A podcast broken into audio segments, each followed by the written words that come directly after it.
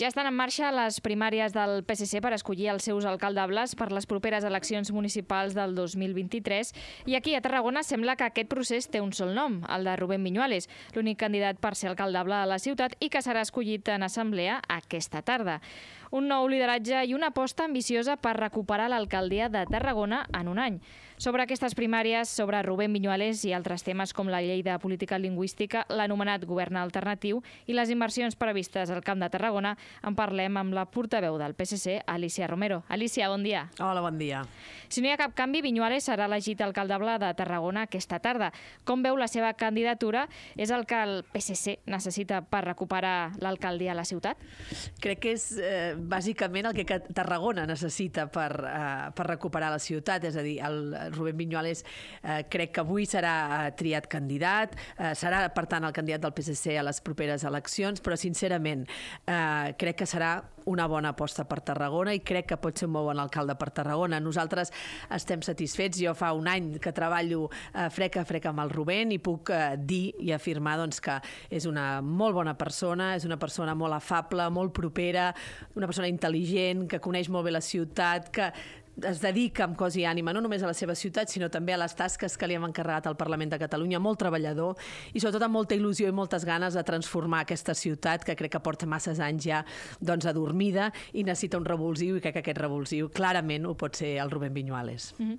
Precisament en Viñuales realitzaran un acte públic demà dissabte, 21 de maig, a les 12 del migdia al centre Tarraconense, aquí a Tarragona, junt amb Salvador Illa i Maria Rosa Ibarra. Podem dir que això ja suposa l'aval definitiu del partit i el suport a, a Viñuales? Bueno, el suport el té tot, no des de, de demà, sinó que el té des de molt abans. Eh, el vam fer, eh, va ser diputat, ha estat diputat, elegit diputat per aquesta eh, demarcació de Tarragona, ha estat treballant, eh, com dic, doncs, eh, i està treballant en el grup parlamentari i, a més a més, doncs, ha sapigut eh, enamorar-nos i seduir-nos a tot amb la seva feina i també amb la seva actitud i amb el seu caràcter. És una persona molt estimada, la veritat, en el grup parlamentari i és veritat que demà serà una mica la seva aposta eh, de llarg, no? un cop ha estat elegit candidat i de veritat que estem molt contents sota el grup parlamentari d'estar aquí amb ella eh, avui, demà i poder-li doncs, donar aquest suport. Mm -hmm. Comentàvem ara aquest acte, però se'n faran més dins de les jornades de treball del govern alternatiu aquí a Tarragona.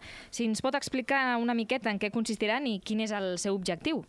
Sí, cada trimestre aproximadament el govern alternatiu, doncs, eh, que és una manera d'organitzar l'oposició diferent, ens trobem amb diferents eh, territoris, acostumem a triar diferents eh, ciutats, vam estar doncs, eh, fa nou mesos a, a, a Balaguer, eh, vam estar també fa poc a, a Platja d'Aro, anem, anem donant voltes per Catalunya, ara hem triat Tarragona, ha coincidit justament doncs, que és l'elecció de Rubén Viñuales i per això també ens fa molta il·lusió ser-hi, i el que fa normalment el govern alternatiu en un, un dia i mig aproximadament doncs, de, de, de trobada és fer un repàs de, de com està funcionant el govern alternatiu, que aviat ja farà un any, perquè el vam posar en marxa el 6 de, el 6 de juny, fer un repàs de què és el que hem presentat, també del, de com plantegem el proper, el proper semestre. En aquest cas, avui divendres, doncs, eh, ja aprovarem dos documents, un sobre una estratègia al Delta de l'Ebre, molt important, estem a Tarragona, el Delta és un dels grans oblidats, fa molts anys pel govern de la Generalitat, nosaltres hi creiem fermament, jo he tingut la sort aquesta setmana d'estar amb els companys companys de l'Ebre visitant diferents eh, espais en aquell territori i necessita una inversió que està fent ja el govern d'Espanya amb 9 milions d'euros a final del 2022 dedicat a aquest territori, però necessitem una estratègia conjunta, necessitem eh, col·laborar institucionalment les diferents administracions per donar-li la protecció al Delta, però també aconseguir que sigui un atractiu per l'economia, també per les persones, que, que repoblem una altra vegada aquest territori tan ric. I per tant aquest serà un dels temes que dedicarem avui al govern alternatiu i després una proposició de llei sobre temes culturals, patrimoni cultural, que també eh, fet a Tarragona té molt sentit perquè aquí hi ha molt patrimoni cultural molt important i per tant aprovarem aquests dos temes, repassarem eh, aquest primer semestre del govern, enfocarem eh, els propers eh, sis mesos i a més a més sempre aprofitem aquestes trobades per fer unes certes reflexions i avui doncs, ens acompanyaran dues persones importants, eh, Javier Solana per fer una reflexió geoestratègica sobre què està passant després d'aquesta eh, guerra de Putin contra Ucraïna i també eh, doncs, el, el president de Nagas que també ens, ens, ens posarà no? i ens explicarà la situació sobre el gas i l'electricitat i què està passant doncs, amb aquest tema que preocupa tant els ciutadans i que doncs, per sort fa poc el govern d'Espanya va poder fer una rebaixa no? amb aquest acord eh, de la, la península ibèrica a Europa, però que ens explicarà també doncs, quin, què, està, què està passant i, i quina és la situació en aquests moments també d'Espanya com a lloc estratègic pel que fa al gas. No? O sigui que també reflexionem, crec que és important també que els dirigents, més enllà de, de, de fer la feina concreta, puguem reflexionar i analitzar quins són els, els horitzons no? i els, els plantejaments de futur i en aquest sentit doncs, a, a, farem aquestes dues sessions i una sobre turisme que també estan a Tarragona doncs, té, té tot el sentit. Uh -huh. Canviem ara de tema, senyora Romero, parlem ara de llengua. Com valora la decisió del Tribunal Superior de Justícia d'imposició immediata del 25% del castellà a totes les escoles i quin és el paper que haurien de tenir els partits polítics a Catalunya i quin és el del PSC? Bé, a mi m'agradaria dir que la sentència arriba per una inacció de la política, no? i per tant és un fracàs de la política no haver actuat abans no? i haver deixat que al final siguin els tribunals els que han de prendre les decisions per nosaltres. Aquest és el gran error de la política i el gran error dels darrers governs que no han posat eh, solucions per evitar el que després doncs, ha passat, no? que és una sentència eh, sobre les llengües oficials a, a l'educació. No? Eh, per tant, la primera constatació, el fracàs de la política i la inacció de la política que ens ha portat portat a aquesta situació amb els tribunals.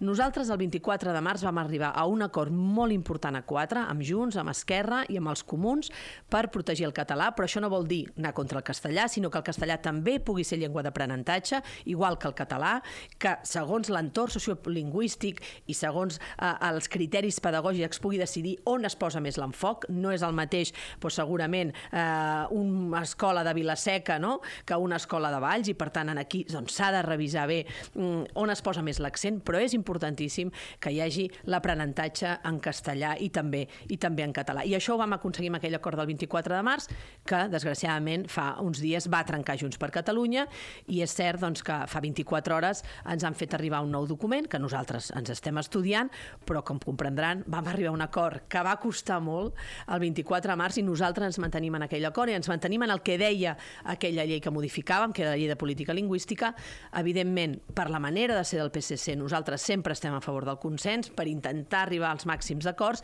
i estarem a la taula. I som a la taula i portem dos dies sentats a la taula, però els hi hem dit i diem clarament doncs, que ja teníem un acord signat i que no ens hauríem de moure massa d'aquest acord perquè és el que havíem arribat i en tot cas aquí són altres els que han d'explicar per què han marxat. No? Però bé, seguirem treballant en aquest eh, nou document que, que ens han enviat, però insistim, per nosaltres és molt important que el castellà segueixi sent llengua d'aprenentatge, com ho és també el català. És una realitat a les aules i és una riquesa que té aquest país i, evidentment, que nosaltres tampoc podem permetre que en una llei aparegui l'incompliment a les sentències. Les sentències es pot, pot, són opinables, evidentment, però s'han de complir. I, per tant, aquí eh, nosaltres creiem que el que s'ha de fer és donar una resposta des de les lleis per complir millor les sentències amb els criteris que deia abans, pedagògics, d'entorn sociolingüístic, etc. No?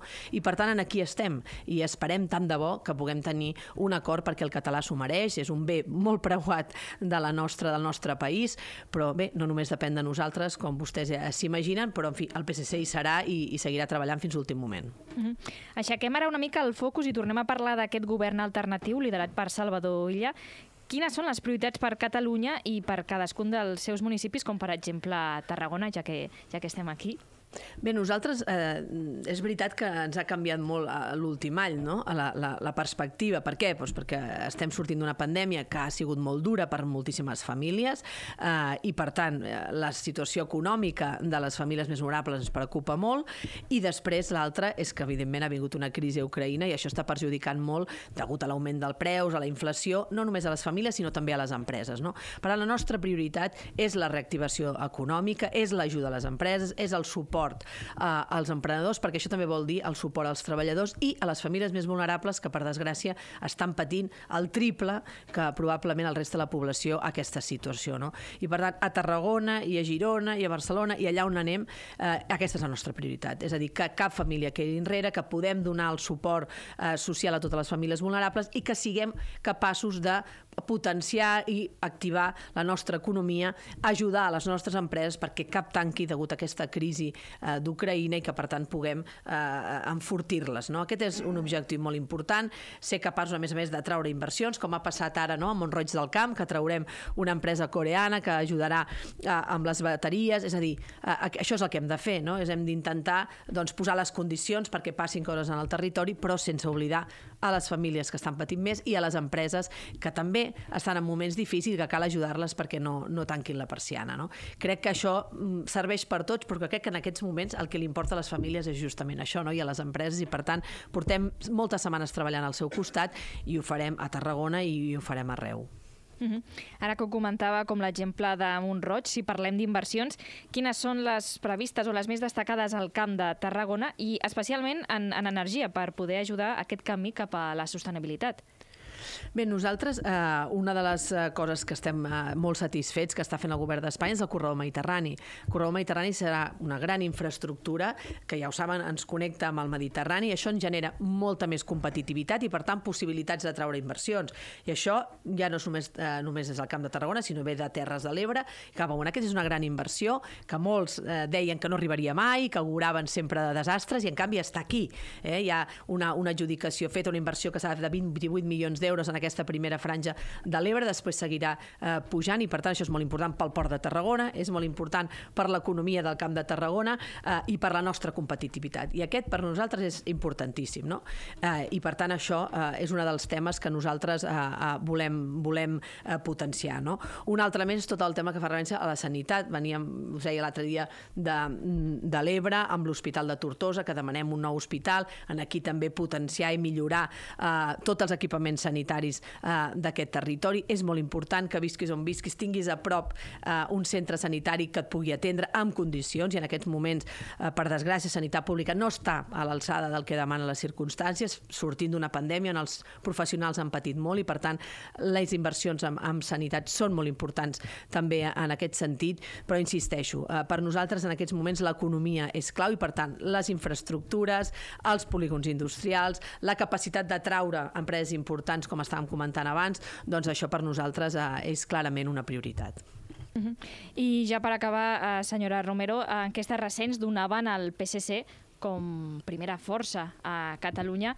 Eh, com ho valora i l'efecte a ella segueix present?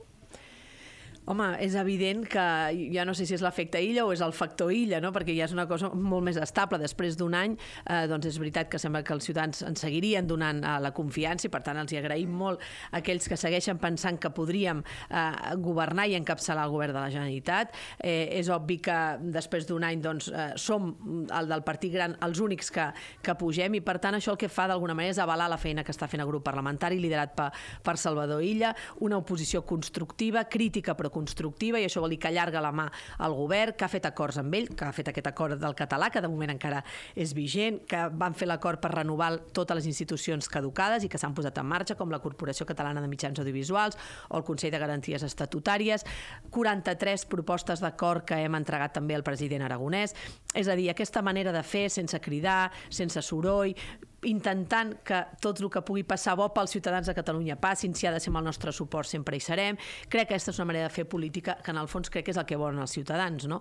que treballem per ells, per millorar la seva qualitat de vida i nosaltres ho farem, encara que estem a l'oposició i crec que aquesta manera de fer és la que valen aquestes enquestes i per tant en aquest sentit seguirem treballant en aquesta línia esperant que cada vegada doncs, hi hagi un augment del suport. Crec que aquí a Tarragona també hem rebut eh, més suport i també hem sortit vencedors i això també doncs, doncs, és una, uns ànims, no? una força que ens donen de cara a les municipals que seran d'aquí un any i que per nosaltres eh, doncs, eh, és un dels punts importants del que passaran els propers mesos. No? I ens dona una certa esperança per pensar que, que aquestes eleccions ens poden anar bé a Tarragona, al Camp de Tarragona i en general a Catalunya. Mm -hmm. Alicia Romero, portaveu del PSC, gràcies per acompanyar-nos i seguirem ben de prop aquestes jornades de treball del govern alternatiu aquí a Tarragona. Molt bé, moltíssimes gràcies a vosaltres.